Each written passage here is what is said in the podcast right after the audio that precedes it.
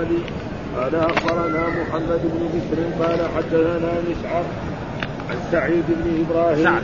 عندنا عندنا سعد. أيوه. مسعر طيب.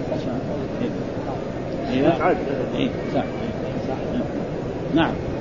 قال حدثنا مسعد عن سعد بن إبراهيم عن أبيه عن سعد قال رأيت بشمال النبي صلى الله عليه وسلم ويمينه رجلين عليهما ثياب بيض يوم أحد ما رأيتهما قبل ولا بعد. قال حدثنا أبو معمر قال حدثنا عبد الوارث عن الحسين عن عبد الله بن بريدة عن يحيى بن يعمر. قال حدثه أن أبا الأسود الدولي حدثه أن أبا ذر رضي الله عنه حدثه قال أتيت النبي صلى الله عليه وسلم وعليه ثوب أبيض وعليه ثوب أبيض وهو نائم. ثم أتيته وقد استيقظ فقال ما من عبد قال لا إله إلا الله ثم مات على ذلك إلا دخل الجنة. قلت وإن زنى وإن سرق. قال وإن زنى وإن سرق. قلت وإن زنى وإن سرق. قال وإن زنى وإن سرق. قلت وإن زنى وإن سرق. قال وإن وإن سرق على رغم أنف أبي ذر وكان أبو ذر إذا حدث بهذا قال وإن رغم أنف أبي ذر قال أبو عبد الله هذا عند الموت هذا عند الموت أو قبله إذا تاب وندم وقال لا إله إلا الله غفر له. باب لبس الحرير باب لبس الحرير للرجال. وقدر ما وقدر ما يجوز منه. قال حدثنا حدثنا آدم قال حدثنا شعبة قال حدثنا قتادة. قال سمعت أبا عثمان النهدي قال أتانا كتاب عمر ونحن مع عتبة بن فرقة بربيشان أن رسول الله صلى الله عليه وسلم نهى عن الحرير نهى عن الحرير إلا هكذا واشار باصبعيه اللتين كليان بها قال فيما علمنا أنه يعني الاعلام قال حدثنا أحمد بن يونس قال حدثنا زهير قال حدثنا عاصم. عن أبي عثمان قال كتب إلينا عمر ونحن باذربيجان أن النبي صلى الله عليه وسلم نهى عن لبس الحرير إلا هكذا وصف لنا النبي صلى الله عليه وسلم اصبعين ورفع سهيل الوسطى والسبابه قال حدثنا مسدد قال حدثنا يحيى عن التيمي عن أبي عثمان قال كنا مع عتبة فكتب إليه عمر رضي الله عنه. أن النبي صلى الله عليه وسلم قال لا يلبس الحرير في الدنيا إلا لم يلبس منه شيء في الآخرة. قال حدثنا الحسن بن عمر قال حدثنا معتمر قال حدثنا أبي قال حدثنا أبو عثمان وأشار أبو عثمان بإصبعيه المسبحة والوسطى قال حدثنا سليمان بن حرب. قال حدثنا شعبة عن الحكم عن ابن أبي ليلى قال كان حذيفة بالمدائن فاستسقى فأتاه دهقان بماء في إناء من فضة فاستسقى فأتاه دهقان بماء في إناء من فضة فرماه به وقال إني لمرمه إلا أني نهيته فلم ينته. قال رسول الله صلى الله عليه وسلم الذهب والفضة والحرير والديباج هج لهم في الدنيا ولكم في الآخرة. قال حدثنا آدم قال حدثنا شعبة قال حدثنا عبد العزيز بن صهيب قال سمعت أنس بن مالك قال قال سمعت أنس بن مالك قال شعبة فقلت عن النبي صلى الله عليه وسلم فقال شديدا عن النبي صلى الله عليه وسلم وقال من لبس الحرير في الدنيا فلن يلبسه في الآخرة. قال حدثنا سليمان بن حرب قال حدثنا حماد بن زيد عن ثابت قال سمعت ابن الزبير يخطب يقول قال محمد صلى الله عليه وسلم من لبس الحرير في الدنيا لم يلبسه في الآخرة. قال حدثنا علي بن جعد قال أخبرنا شعبة عن أبي لبيان خليفة بن سعد قال سمعت ابن الزبير يقول سمعت عمر يقول قال النبي صلى الله عليه وسلم من لبس الحرير في الدنيا لم يلبسه في الآخرة.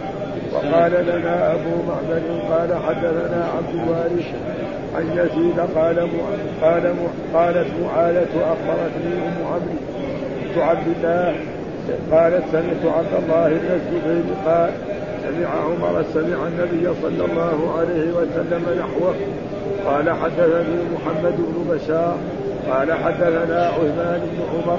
قال حدثنا علي بن المبارك. عن يحيى بن أبي كهيل عن عمران. عن عمران بن حطان قال سألت عائشة عن الحرير. فقالت ائت ابن عباس قال فسالته فقال سل ابن عمر قال فسالت ابن عمر فقال أخبرني أبو حفص يعني عمر بن الخطاب أن رسول الله صلى الله عليه وسلم قال إنما يلبس الحرير في الدنيا من لا خلاق له في الآخرة. فقلت صدق وما كذب أبو حفص على رسول الله صلى الله عليه وسلم. وقال عبد الله بن رجاء قال حدثنا حرب عن يحيى قال حدثني عمران وقص الحديث. يكفي أعوذ بالله من الشيطان الرجيم. بسم الله الرحمن الرحيم.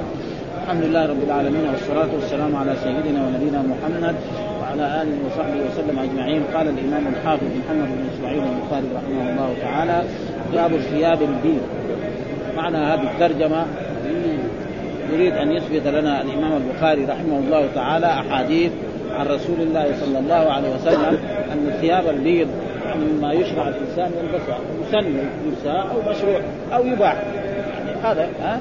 إما مباح لأن الرسول لبسها يعني يمكن يكون سنة أو مباح. يعني الرجل له أن يلبس الثياب البيض وأن فيها مشروعية وأن الرسول كان يلبس الثياب البيض. ويقول الله تعالى لقد كان لكم في رسول الله أسوة حسنة. فاذا كان الرسول لبس الثياب البيض فلأمتي كذلك أن يلبسوا الثياب البيض. قد نقول انه سنة. إذا قلنا انه سنة وساق حديث جاء حديث يعني ما أتى يعني يعني في أحاديث كثيرة في السنن ها؟ يعني تثبت تمام. وهو منها يعني حديث يقول أخرجه أحمد وأصحاب السنن وصحابه الحاكم من حديث سمرة عليكم بالثياب البيض ها؟ فالبسوها فانها أطيب وأطهر حديث صريح لكن يقول لك ما هو على شرط صحيح البخاري. فما حطه في إيه؟ في صحيح جاب الشيء الحديث الذي على شرط صحيح البخاري على شرط صحيح هذا وإلا هذا حديث عليكم. معناه عليكم معناه إلزم. ها؟ يعني ألبس دائما إيه؟ الثياب ها؟ فالبسوها فانها أطيب وكفنوا فيها موتاكم. ها؟ لكن هذا الحديث ما هو على شرط الإمام البخاري وكذلك حديث آخر. ها؟ يعني آه خير ثيابكم البيض فإنها من خير ثيابكم. فإنها من خير ثيابكم. فلأجل ذلك هذا الحديث ما كان هذا فأتى بالحديث الذي على شرط الإمام البخاري ومعلوم من شروط الإمام البخاري أن الرجال الذي يحدث بعضهم عن بعض لازم يكون اجتمعوا. يثبت عند الإمام البخاري أن لما يقول حدثنا إسحاق بن إبراهيم الحنظلي أخبرنا محمد بن بشير. لازم يثبت عنده إنهم اجتمعوا. إما في المدينة أو في مكة أو في العراق أو في أي بلد. ها ما يكفي إيه؟ أنهم يكونوا معاصرين. ها مثل الإمام مسلم. الإمام مسلم بس يكون كونهم يكونوا في عصر واحد. هذا فلذلك شرط إيه؟ أشد واعظم فيقول الحديث أخبرنا إسحاق بن إبراهيم الحنظلي أخبرنا محمد بن بشر حدثنا مسعر عن سعد بن إبراهيم عن ابيه وهو يعني سعد بن إبراهيم عن سعد والمراد بسعد سعد بن وقاص. ها؟ صاحب رسول الله صلى الله عليه وسلم أحد العشر رأيت بشمال النبي صلى الله عليه وسلم ويمينه رجلين عليهما ثياب بيض يوم أحد. وهذا محل الشاهد. يقول أن سعد بن أبي وقاص رأيت بشمال النبي صلى الله عليه وسلم ويمينه رجلين عليهم ثياب بيض. طيب رجلين من هم الرجلين هذول؟ جاء في أحاديث أنهم جبريل وميكائيل. ها؟ كانوا يحفظان رسول الله صلى الله عليه وسلم. و... فهذا معناه فاذا كان الملائكة يلبسون الثياب البيض فنحن كذلك أن نلبس الثياب البيض فان هذا تقريبا هذا. وإلا هو الحديث ذاك اللي كان ذكر عليكم بالثياب البيض فالبسوها فإنها أطيب وأطهر. لكن هذا الحديث ما هو على شرط الإمام البخاري فلذلك لم يذكره. وقال كذلك وكفنوا فيها موتاكم. ها؟ كذلك حتى الموتى إذا كفنوا في الثياب البيض أحسن إيه؟ البياض الخضر أو الزرق أو غير ذلك من هذا. قال ويقول إيه؟ ما رأيتهما قبل ولا بعد. يعني هذان الرجلان رايته أحدهما عن يمين الرسول وأحدهما عن شماله في غزوة أحد ما رأيتهما قبل ذلك وما رأيتهم بعد ذلك. بعد غزوة أحد عمري ما شفتهم. اذا هم إيه؟ ما هم من البشر. ملائكة. من هم الملائكه؟ جبريل وميكائيل. وهذا محل الشاهد. فإذا كان الملائكة يلبسون الثياب البيض فإذا نحن كذلك نلبس الثياب البيض. فلا يخلي إما سنة وإما مباح. أكثر شيء نقول سنة. يعني واجب لا. ها؟ كونه يلبس الإنسان الثياب البيض واجب هذا ما ما يدل على ذلك. الحديث الثاني حدثنا أبو معمر قال حدثنا عبد الوارث عن الحسين عن عبد الله بن بريدة عن يحيى بن يعمر ها؟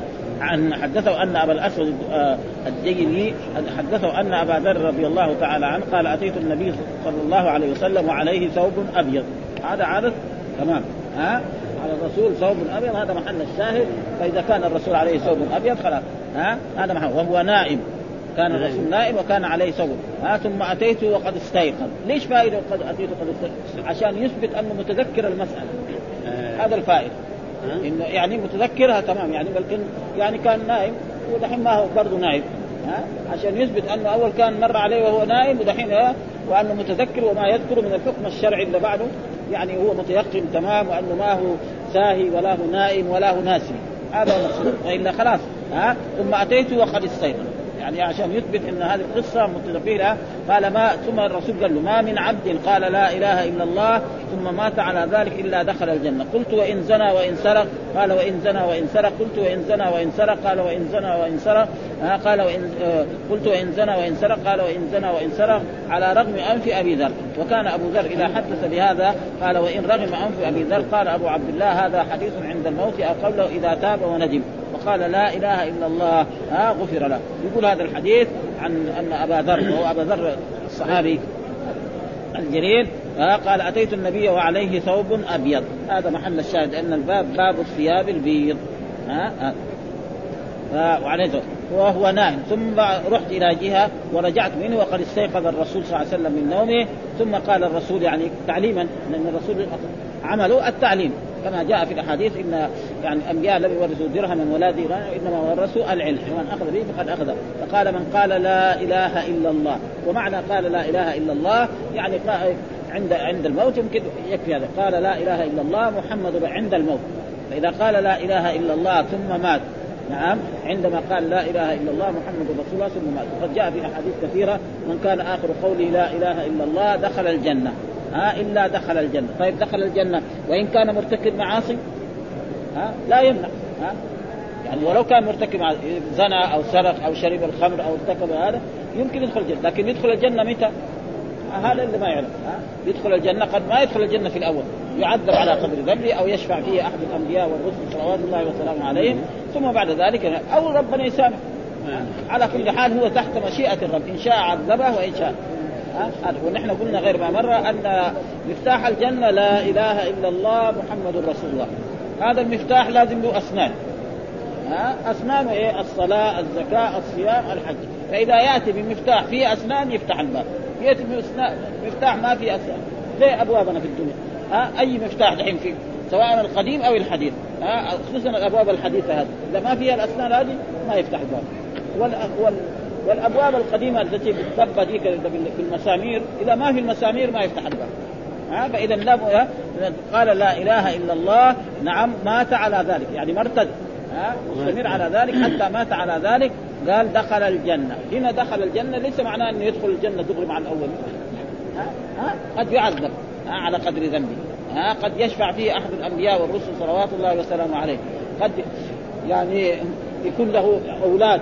دعوا له أو تصدقوا عنه فيكون هذه حسنات له ويروح إيه؟ هذه السيئات تروح فلذلك قلت آه، ابو ذر يعني قال قال له إن زنى وإن سرق يعني يزني ويسرق ويدخل الجنة.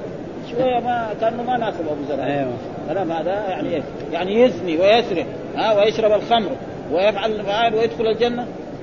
قال له الرسول نعم عاد ثاني قلت وإن زنى وإن سرق. قال له وإن زنى وإن سرق يعني خمس مرات. ها خمس مرات هو يقول له إيه؟ يعني يدخل الجنة وإن زنى وإن سرق قال له الرسول نعم. قال وإن زنى وإن سرق المرة الثانية قال له نعم. وإن زنى وإن سرق المرة الرابعة المرة الخامسة. بعدين في الآخر الرسول قال له وإن رغم أنف ابي ذر ها؟ إيه. يعني غصب عنك. هذا معنى باللهجة العامية يعني غصب عنك. بس كذا يعني تقريبا حتى يصير ما فيها إيه؟ لأن إيش معنى رغم أنف يعني التصق أنفه بالتراب. هذا معنى رغم ها؟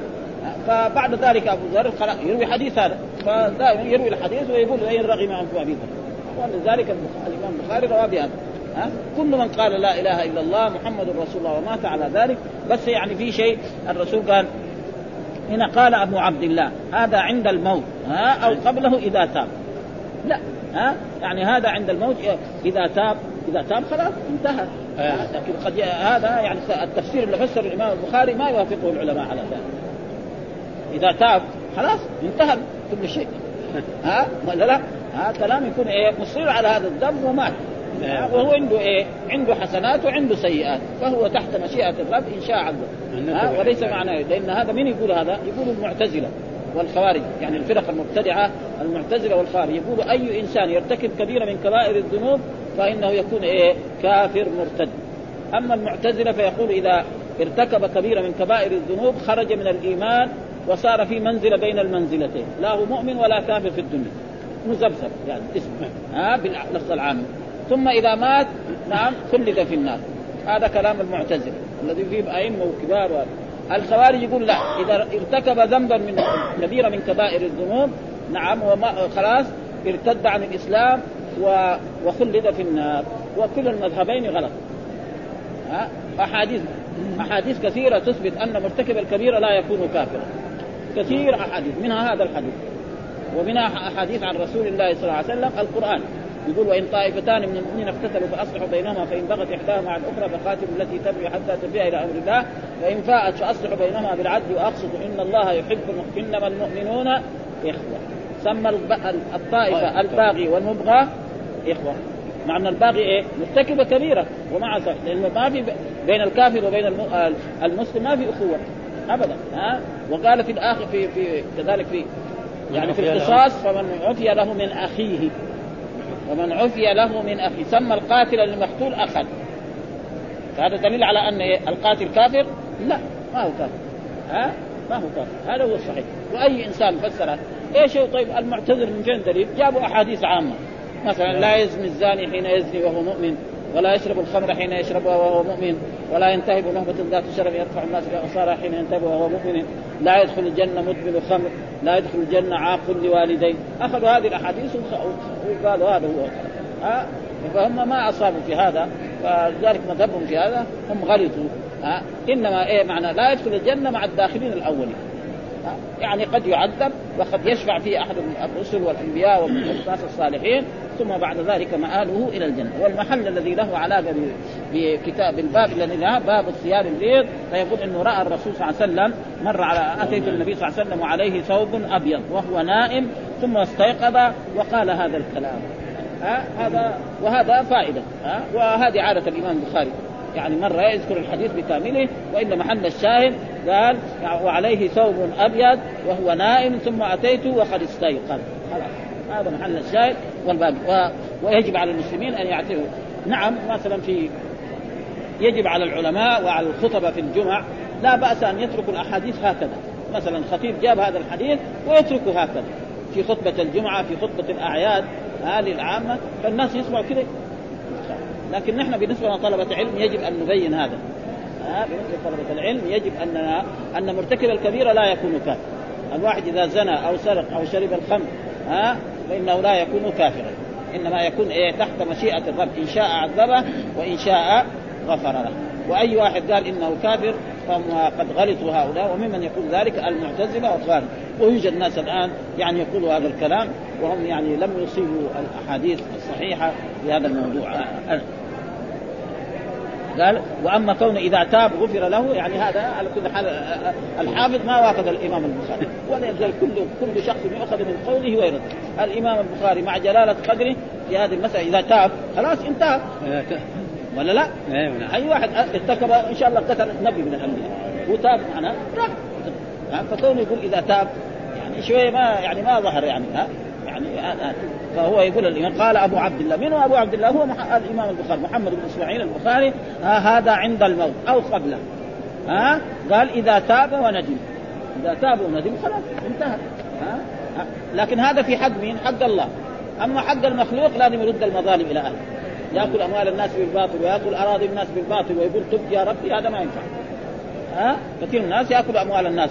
ها؟ آه يقول تاب لا آه نعم مثلا آه ارتكب فاحش من الفواحش آه عمل أشياء هذا إذا تاب تاب الله عليه. وأما مثل هذا فلا يقبل منه إلا إيه؟ إلا لازم يرد المظالم إلى أهلها وأصحابها. يقول هذا هذا عند الموت أو قبله إذا تاب من الكفر. وندم. ويريد شرح ما قال ما شرح قوله ما من عبد قال لا إله إلا الله ثم مات على ذلك. وحاصل ما أشار إليه أن الحديث محمول على من وحد ربه ومات على ذلك تائبا من الذنوب آه التي أشير إليها في الحديث. فإنه موعود بهذا الحديث بدخول الجنة ابتداء. وهذا في حقوق الله باتفاق أهل السنة واما في حقوق العباد فيشترط ردها عند الأكثر. وقيل بل هو كالأول ويصيب الله صاحب صاحب الحق بما شاء. وأما من تلبس بالذنوب المذكورة ومات من غير توبة فظاهر الحديث أنه أيضا داخل في ذلك. لكن مذهب أهل السنة أنه في مشيئة الله هذا كلام ها؟ في مشيئة الله. ويدل على هذا حديث عبادة بن الصامت الماضي في كتاب الإيمان فإن فيه ومن أتى شيئا من ذلك فلم يعاقب به فأمره إلى الله. يعني رجل زنى أو سرق أو شرب الخمر وما الدولة ما ما مسكته. وما ما قام عليه الحد. زنى ما بكر ولا ولم يجلد 100 جلدة ولم يسفر آه رجل مثلا آه سرق ولم تقطع يده. هذا معناه. أما إذا قطعت يده آه خلاص. يوم القيامة ما يعاقب الله على السرقة. آه لأنه جاء في الأحاديث الذي تقدم لنا أن الحدود مكفرات. ابدا آه إلا حق إيه؟ المخلوق وهذا مفسر مبهم. وكل منهما آه وكل منهما يرد على المبتدع من الخوارج ومن المعتزلة الذين يدعون وجوب خروج امات من مرتكب الكبائر من غير توبة في النار. أعاذنا الله من ذلك بمنه وكرمه. وهذا هو واجب العلماء وواجب طلبة العلم أن مسألة علمية لازم تعود إلى إلى ما ثبت عن رسول الله صلى الله عليه وسلم. ولذلك الله أمرنا في كتابه إن تنازعتم في شيء فردوه إلى الله وإلى الرسول. ردوه إلى الله إلى كتابه إلى الرسول إلى شخص الرسول. كان في حياته وبعد وفاته إلى سنة رسول الله صلى الله عليه وسلم. فاذا ردنا إلى سنة رسول الله صلى الله عليه وسلم يظهر أن التفسير الذي فسره الإمام البخاري يعني لم يكن صحيح ويكفي ذلك ما قاله الحافظ ابن حجر الذي هو إمام من ائمه ثم ذكر باب لبس الحرير للرجال وقدر ما يجوز منه. باب لبس الحرير للرجال. هو ذكر كده. لما نقرأ الأحاديث يثبت أن الرسول نهى. خلاص. ها فإذا إيه؟ باب النهي عن لبس الحرير للرجال. كده هو. ها؟ لو هو كده حط كان تمام لكن هو ما حط خلى كده ها؟ باب لبس الحرير للرجال. اذا باب النهي. نعم عن لبس الحرير للرجال. وطيب ثم بعد ذلك وقدر ما يجوز منه. يعني هناك الرسول رخص في لبس الحرير يعني مقدار اصبعين مثال ذلك الناس اللي يلبسوا الجبب ويلبسوا المشالح نعم وغير ذلك ويلبسوا الأقوال فيخلي هنا إيه؟ شوية من الحرير. اصبع أو اصبعين هنا مثلا اصبع وهنا اصبع وكذلك في الأسفل. فهذا جائز يعني ثبت في الأحاديث يجوز اصبع واصبعين وثلاثة وأربعة. أكثر شيء يجوز للرجال من الحرير أربع أصابع. وهنا الأحاديث اللي ذكرها التي على شرط الإمام البخاري اصبعين بس. لكن هناك أحاديث في غيره من كتب السنة العلم كله ليس في البخاري. كذلك في طلعت يعني طلبه علم جدد. ها يقول لا بس البخاري ومسلم. لا يصير هذا كمان غلط. ها؟ ها؟ ما هو صحيح. أيوه. ها؟ نسمع هذا يقول لك لا إذا كان الحديث في البخاري خلاص وإذا كان في مسلم قال لكن إذا كان في أبي داود ولا الترمذي أو النسائي نحن ما نقبل هذا كمان غلط. ها؟ ليس معنى كل الأحاديث الصحيحة تقبل من أي كتاب كان. نعم. إنما نعم في الدرجة الأولى صحيح البخاري. الدرجة الثانية صحيح مسلم. ولا يقول لإنسان طالب علم لا يقول له هذا الحديث يقول في أبي داود يقول لا أنا ما أقوله. لا خطير هذا. خطير ها؟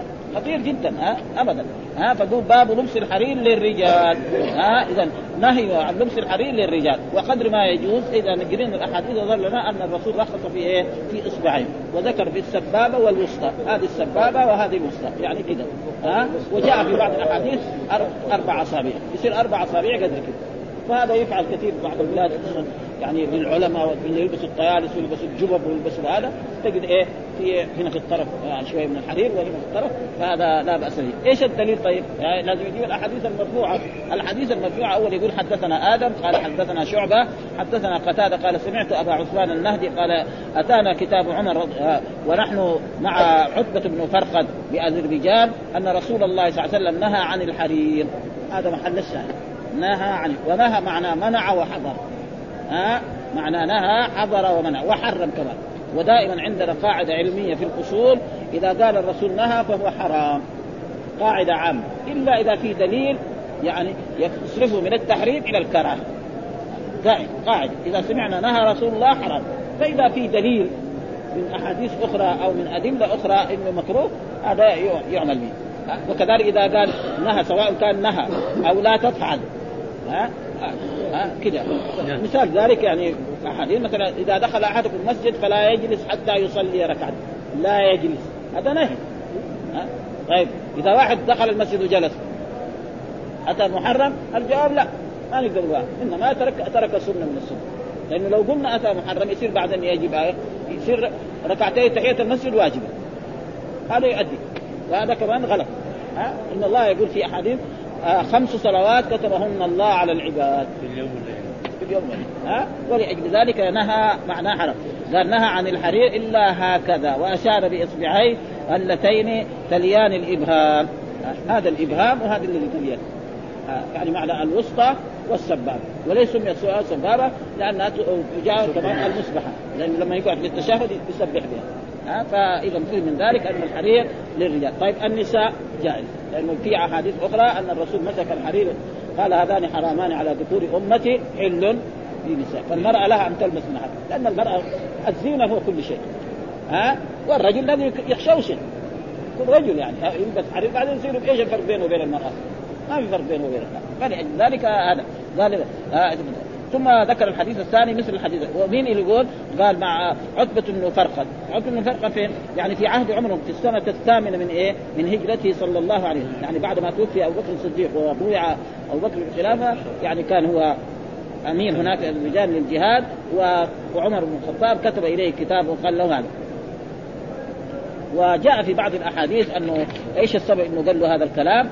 إنه هو أرسل طعام لعمر بن الخطاب اذربيجان، معلوم اذربيجان ناس عندهم مدنية وعندهم اطعمه غير، فعمر قال له أنت طيب يعني الجيش حقك اللي معك يأكلوا زي هذا؟ قال له لا. قال له ما في لازم الجيش اللي معاك لازم إيه يأكلوا مثل هذه الأكلات ومثل هذه. وخاصة في هذا. لا يكون إيه أنت شيء ما الجنود اللي معك هذا السبب كان. ثم قال في هذا قال فيما علمنا أنه يعني الأعلام. يعني في يقول هذا الصحابي التابعي اللي روى عن عقبة بن فرقد يعني الأعلام، الأعلام معناه الزينة ها؟ لأنه دحين مثلا هذا الثوب يقوم يساوي هنا شوية حديد مثلا هناك أسفل كذلك ها؟ كذلك مثلا في الياده هذا هذا معناه معنى الأعلام. ومعنى الأعلام الشيء يكون هذا الحديث. الحديث الثاني حدثنا أحمد بن يونس حدثنا زهير حدثنا عاصم عن أبي عثمان قال كتب إلينا عمر ونحن باذربيجان أن النبي صلى الله عليه وسلم نهى عن لبس الحرير إلا هكذا. برضو مثل الحديث الأول بس لكن إيه؟ السند مختلف. ها؟ يعني مشايخ الإمام البخاري مختلف غير الأول. هذاك هناك الشيخ آدم وهنا حدثنا وهذا لا يسمى تكرار في إيه؟ في علم الحديث. ونحن في اذربيجان أن النبي نهى عن لبس الحرير إلا هكذا ووصف لنا النبي صلى الله عليه وسلم إصبعي ورفع زهير الوسطى والسبابة. يعني زهير الذي هو أحد العلماء الذي هذا في الحديث رفع لنا زهير في مسجد الطلبه قال لهم كذا يعني. ها؟ يعني هذا كذا ها؟ وهذا هو يعني التعليم يكون بالقول ويكون باللسان ويكون حتى تعليمنا الحديث الآن تعليم في المدارس بالسبورة، السبورة هذه فيها فوائد كثيرة جدا ها؟ تؤدي إلى معلومات جديدة و, و... و... يعني انتباه الطلبة لهم المدرس ما ما يقول لا ما في. والرسول فعل ذلك في أول.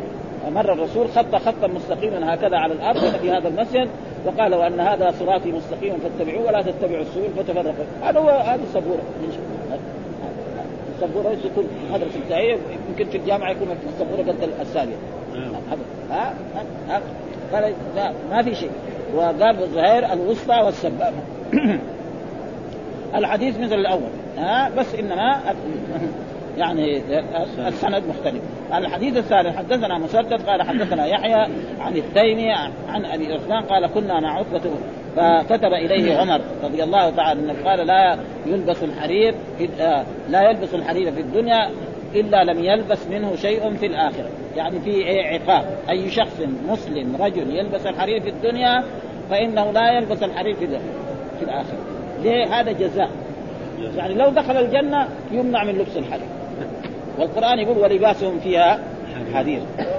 يعني ابدا كذا أي إنسان رجل في الدنيا يلبس حرير فإذا مات دخل الجنة مع حتى مع الأولين كمان. يكون ما عنده معاصي ولا عنده إنما هذه المعصيه يمكن ربنا يغفر له هي فإذا فلا يمنع من لبس الحرير ليه؟ لأن القرآن يقول ولباسهم فيها حرير. ها؟ وهنا قال لم يلبس. في رواية قال لن يلبس. ها؟ والصحيح يقول الروايات كلها اللي موجودة في صحيح البخاري لم يلبس. ها؟ وهذا هو أصح. وإذا كذا لأنه أصل لم دائما يعني لما تدخل لم على الفعل المضارع تنقل من الحال والاستقبال إلى المضي مثلا يكتب محمد إذا قلنا لم يكتب محمد معنى ما كتب في الماضي. هذا لكن دحين كتب ما كتب هذا شيء ما نقدر يعني ما نقدر يعني نحكم عليه. هذه قاعدة يعني. في النحو يعني واحد يقول مثلا آه يقرأ. محمد. فإذا قلنا لم يقرأ محمد يعني ما قرأ في الماضي.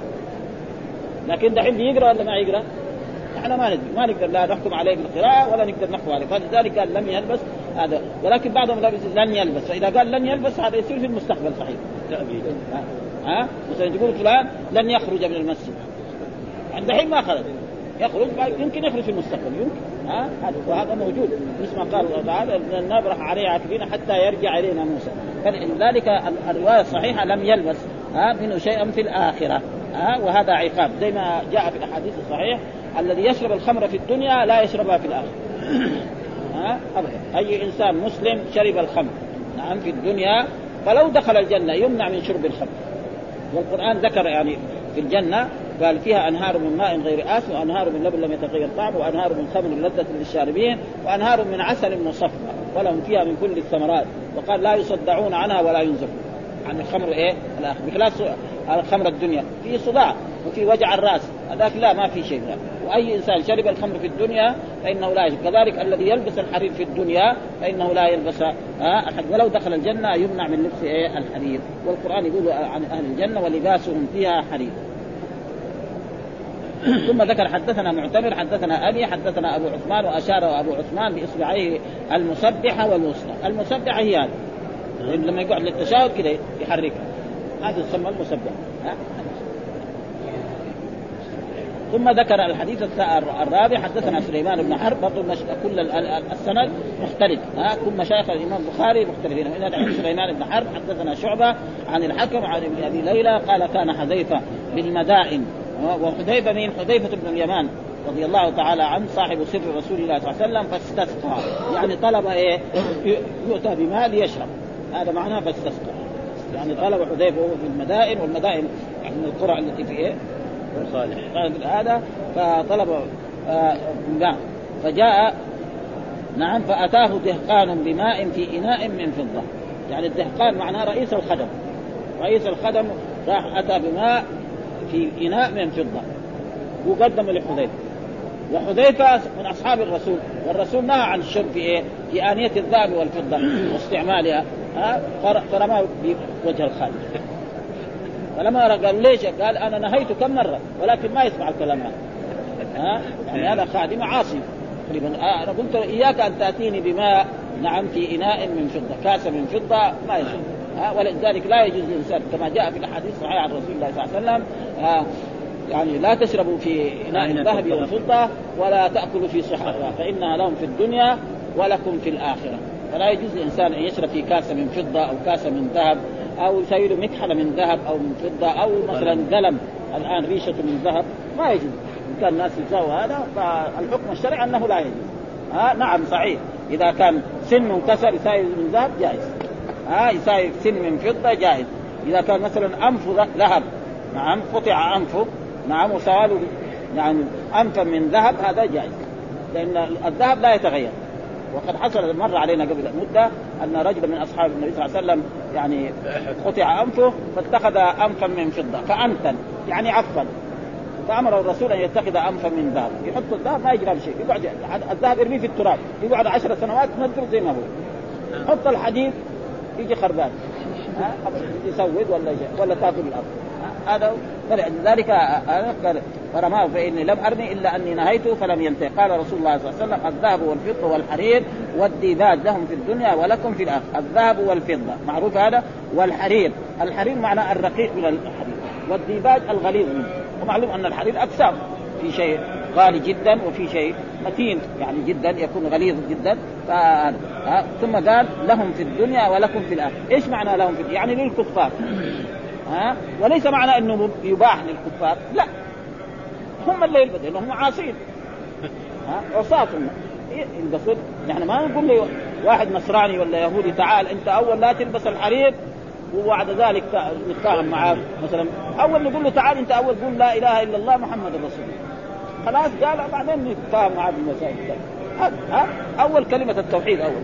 هذه الذي نتفاهم معاه فيها فإذا صلحت فهذا معناه لهم في الدنيا ليس معناه أنه يباح لهم. يعني يفهم طالب العلم ليس معناه أن اليهودي والنصراني له أن يلبس الحرير لا يسمع ليس له ذلك. إنما هو عاصي.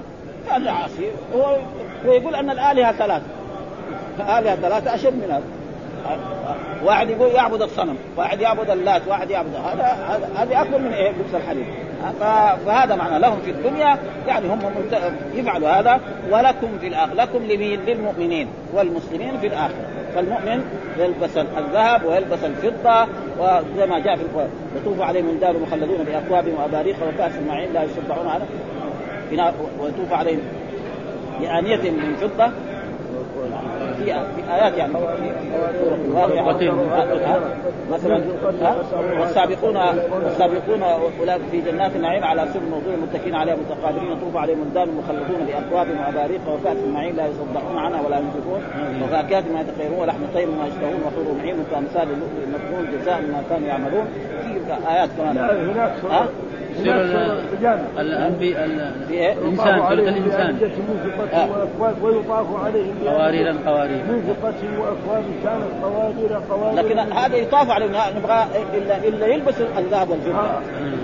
متكئين. يعني إثبات الآية ها؟ ها؟ يلبسون ثيابا خضرا ثياب الخضر متكئين على في برضه في الذهب نفس الذهب يعني المقصود يعني هذا ما ذكرناه. المقصود الحديث الأخير اللي بعده كذلك حدثنا آدم قال حدثنا شعبة. عبد العزيز بن صهيب قال سمعت أنس بن مالك قال شعبة. فقلت عن عن النبي صلى الله عليه وسلم فقال شديدا. يقول هنا قال شعبة. شعبة مين هو ده؟ هذا أمير المؤمنين في الحديث. ها شعبة بن الحجاج يعني من أكبر علماء الحديث فقلت عن النبي صلى الله عليه وسلم فقال شديدا. يعني نعم مؤكد هذا.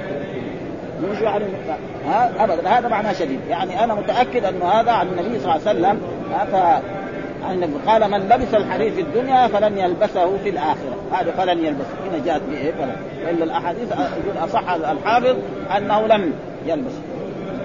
هذا وثم ذكر حدثنا سليمان بن حرب حدثنا حماد بن زيد عن ثابت قال سمعت ابن الزبير يخطب. ها ابن الزبير وهو عبد الله بن الزبير يعني حواري رسول الله صلى الله عليه وسلم. يقول قال محمد صلى الله عليه وسلم من لبس الحرير في الدنيا لن يلبسه في الآخرة. قال محمد. وهذا جائز.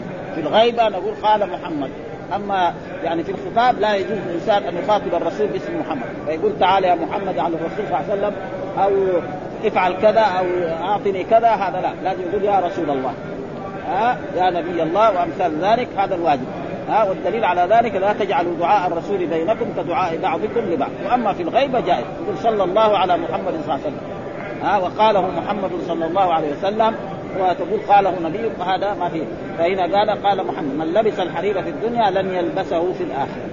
هذا شوف بلال هذه الرواية بلال والا الرواية يقول صحيح الحافظ انه لم يلبس ثم ذكر قال حدثنا علي بن الجعد قال أخبرنا شعبة عن أبي ذبيان آه، خليفة بن كعب قال سمعت ابن الزبير وهو عبد الله بن الزبير. آه، يقول سمعت عمر. آه، يقول سمعت عمر يقول قال النبي من لبس الحرير في الدنيا لم يلبسه في الآخرة. جاء بلم لم يلبسه في وقال لنا أبو معمر. حدثنا عبد الوارث عن يزيد قالت معاذة أخبرتني أم عمرو بنت عبد الله سمعت عبد الله بن الزبير وسمع عمر آه سمع النبي صلى الله عليه وسلم نحوه. هنا يقول وقال لنا أبو معمر هذا أبو معمر أحد إيه؟ العلماء حدثنا عبد الوارث.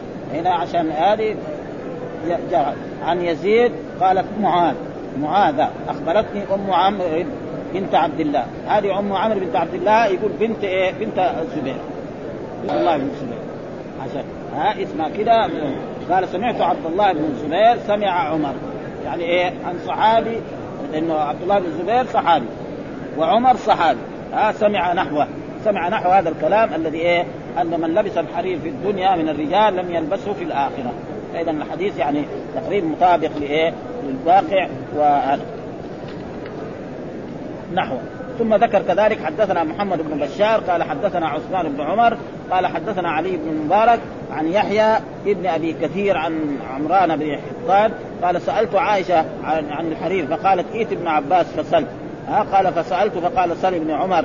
قال فسألت ابن عمر فقال أخبرني أبو حصن يعني عمر بن الخطاب رضي آه أن رسول الله صلى الله عليه وسلم قال إنما يلبس الحرير في الدنيا من لا خلاق له في الآخرة. وهذا الحديث كذلك يعني مثل الحديث الأول فيقول أن يحيى بن كثير هذا آه عمران بن حطان هذا عمران بن حطان يعني هذا يقول عمران بن حطان الحافظ أن هذا رجل كان تقريبا يعني عنده اعتزال معتزل والمعتزلة معروف أنه عندهم يعني ولكن كيف روى الإمام البخاري هذا الحديث منه؟ لأن المعتزلة من قواعدهم عدم الكذب وأن من كذب على محمد على أي إنسان لو كذب على زوجته ارتد عن الإسلام. فمن هذا يأخذ منهم. ابدا لأنه هو يرى الكذب كفر. أي كبيره من كبائر الذنوب كفر. فلذلك الإمام البخاري يعني تقريبا أخذ هذا من ما دام هو يرى, يرى الكذب على الناس كفر فالكذب على الرسول يصير إيه؟ عشان فلذلك هو الإمام البخاري روى عنه هذا وإلا هو تقريبا يعني يخالفه في إيه؟ في العقائد الثانية. ها هو يرى أن مرتكب الكبيرة فلذلك وهو يعني عمران بن حطان قال سألت عائشة عن حرير وكان في الأول يعني هو رجل طيب في الأول لما كان أيام ما سأل عائشة. ثم بعد ذلك تقريبا تزوج امرأة والمرأة هذه جرته إلى إلى إلى مذهب الاعتزال. ومعروف المعتزلة يعني كانوا اي خصوصا في في أيام أيام الدولة العباسية. أيام الدولة العباسية هم هم هم العلماء وهم الناس العظماء ويكفي ذلك ما جاءوا بالفتنة التي خلق القرآن. ها وفتنوا الإمام أحمد بن حنبل وسجن وضرب وعشان يقول إيه أن القرآن يعني مخلوق فابى هو قد ما عملوا به حتى أزال. كانوا يعني ثلاثة من خلفاء بني عباس كلهم تقريبا معتزلة. ها المأمون وخليفتان بعده. ثم بعد ذلك ذهب هذا المذهب وجاء أهل السنة وأصبح يعني تقريبا خلق القرآن هذه خطيرة جدا. يقول القرآن مخلوق. ليه؟ يقول وخلق كل شيء. خلق خلق كل شيء. القرآن شيء ولا ما هو شيء؟ يقولوا نعم شيء. ما يبقى القرآن كلام الله. ما يصير ابدا فهم في هذا غلطوا جدا وأصابوا يعني. وإن كان الناس يقولوا أن العصر الذهبي والعصر العلمي الدولة العباسية. خصوصا هؤلاء الثلاث المأمون هذا. أي سبب المأمون إنه راح نقل كتب اليونان وكتب هذا وترجمها للغة العربية واستفاد منها بعض الشيء وإذا به بعض الأشياء كانت خربانة. ويكفي لا يزال إلى الآن فتنة خلق القرآن موجود تجي كتب التفسير تجد فيها زي الزمخشري. إمام من الأئمة يعني ما في شك يعني. لكن هو خربان منها ابدا. ها جهه خلق القرآن. حتى أراد يقول كتب في ترجمته يعني عند الخطبة يقول الحمد لله الذي خلق القرآن. قالوا له ما حد ما حد يقرأ كتابك هذا. ها راح هو إيه يعني زي ما يقول عفريت يعني يعرف عالم ها يعرف اللغة العربية. قال الحمد لله الذي جعل القرآن. جعل يصير بمعنى خلق. القرآن موجود في اللغة العربية. ها؟ الحمد لله الذي خلق السماوات والأرض وجعل الظلمات والنور. جعل هنا بمعنى إيه؟ بمعنى خلق. هذه عقل العلماء. أبدا. واحد يقرأ رجل عادي ما يفهم هذا ما يفهم إنه جعل بمعنى خلق. وهو كتب هذا ولا بد في تفسيره. أنا ما طالعته يعني. التفسير هذا يعني ما عندي فكره عنه ولا طالعه ابدا تقريبا. لكن هو يقول هذا الكلام. يقول وجعل القرآن جعل القرآن بمعنى خلق القرآن. هذه يعني تقريبا في هو ما اخطا في هذا. فقال قال ابن عمر فقال أخبرني أبو حص أبو حص هذه إيه؟ كنية. ها آه كنية لعمر بن الخطاب رضي الله تعالى عنه. كنيته أبو حفص واسمه عمر بن الخطاب ولقبه الفاروق. ها كده. ها يبغى الفاروق اذا قيل الفاروق من عمر بن الخطاب. أبو حفص معناه عمر إيش أبو حفص؟ الحفص هو إيه؟ أصل معناه في اللغة العربية الأسد. وهو كان معروف شديد ما ها؟ زي ما كان شديد في الباطل لما صار في الحق كمان صار شديد. يكفي أنه لما أراد أن يهاجر من مكة أول ما يكون ركب فرسه ومر على قريش عند الكعبة. قال من أحب أن تفقده زوجته وأولاده فليلحقني خارج خارج الحرم. ما حد لحقه. هذا يدل على إيه؟ على القوة والعظمة انه ما حد يحبه، الثاني كلهم يسافروا يعني يهاجروا سرا. إلا عمر بن الخطاب. قال أي واحد يبغاني يتفضل برا. ها؟ فأنا ولا أحد يلعب فكان يعني عظيم جدا ولم يوجد له نظير ابدا. قال إنما يلبس محل الشاهد. قال إن رسول الله صلى الله عليه وسلم قال إنما يلبس الحرير في الدنيا من لا خلاق له في الآخرة. هذا محل الشاهد. يعني اللي يلبس. وانما التي هي تفيد الحصر. إنما يلبس الحرير في الدنيا يعني من الرجال. هذا واحد كمان يقول وجاء علماء قالوا لا حتى النساء. كمان هذول غلطانين. ليه؟ عشان إن. حتى النساء؟ يعني في فلسفة دائما اللغة العربية تقدر تعرج المسائل. يقول إنما يلبس إنما يلبس هذا. إنما يعني للحصر زي ما نقول إنما مثلا آه إنما إلهكم إله واحد. خلاص. يعني ها آه ولا نقول إنما محمد مثلا آه مثلا مجتهد. يعني معنى اجتهاد فلذلك بعضهم راح فسر هذا التفسير وهم غلطان لأنه في أحاديث صحيحة أن الرسول رخص الحريم لإيه؟ للنساء. فإذا هن ما, تدخل. ولذلك كذلك غلط بعض العلماء قال مثلا آه إنما الربا ربا النسيئة. فكذلك غلط هؤلاء العلماء. وقالوا إن الربا ربا أما ربا الفضل ما هو حرام. ها؟ يعني إيه؟ يدين آه يدين ال 100 وياخذ 110 هذا حرام. أما يعني التفاضل بين الذهب والفضة في الصرافة أو في البر أو في الدخن أو في الذرة أو في الشعير هذا لا. والصحيح لا. ها؟ إنما إنما أعظم الربا وأشد الربا حرمة هو ربا إيه؟ النسيئة. وهذاك كمان حرام. ليه؟ لأن الأحاديث الصحيحة الثابته في صحيح البخاري وفي مسلم وفي غيره آه أن الرسول آه يعني عن عباده بن صامت قال الرسول صلى الله عليه وسلم نعم الذهب بالذهب والفضة بالفضة والبر بالبر والتمر بالتمر والشعير بالشعير والملح بالملح مثلا بمثله. فمن زاد أو استزاد فقد أرضى. فإذا اختلفت الأجناس فبيعوا كيف اختلفوا في الآخرة يعني في الجنة مرة. ها؟ فقلت صدق. وما كذب أبو حفص على رسول الله صلى الله عليه وسلم. قال عبد الله بن رجاء حدثنا حرب حدثني يحيى حدثني عمران. ليس حدثني عمران لأنه هذا ما دام هو عنده اعتزال وعنده كلام زي هذا فالإمام البخاري عشان إيه؟ يعني ذكر حدثني عمران. هناك إيش؟ قال عن عمران. هذه عنعنه والعنعنة فيها تدليس عندهم. فعشان هذا راح كرر قال أبو عبد الله بن رجاء حدثنا حرب عن يحيى حدثني عمران. ليه عمران؟ عمران لأنه رجل ابن ريحان وهذا رجل معتزلي تقريبا ففيه شيء فلذلك يعني ذكر آه هذا وقص الحديث. قص الحديث الذي هو بكامله الذي يعني يفهم منه أنه آه يقول وقص الحديث ويعني عن شداد آه لبس الحرير في الدنيا لا خلاق له في الآخرة. وذكر الدار أن هذا اللفظ في حديث عمر خطأ ولعل البخاري لم يسق اللفظ بهذا المعنى وفي هذا الحديث بيان واضح لمن قال يحرم على الرجال لبس الحرير للوعيد المذكور. وقد تقدم معناه في كتاب الأشربة في شرح أول حديث منه. فإن الحكم فيها واحد. وهو نفي اللبس ونفي الشرب في الآخرة وفي الجنة. وحاصل وحاصل أعد وحسب أعظم الأقوال أن الفعل المذكور مختص للعقوبة المذكورة. قد يتخلف وقد تخلف ذلك لمانع كالتوبة والحسنات التي توازن توازن المصائب التي تكفر وكدعاء الولد بشرائطه وكذلك شفاعة من يؤذن له في الشفاعة. وأعم من ذلك كل عفو أرحم الراحمين.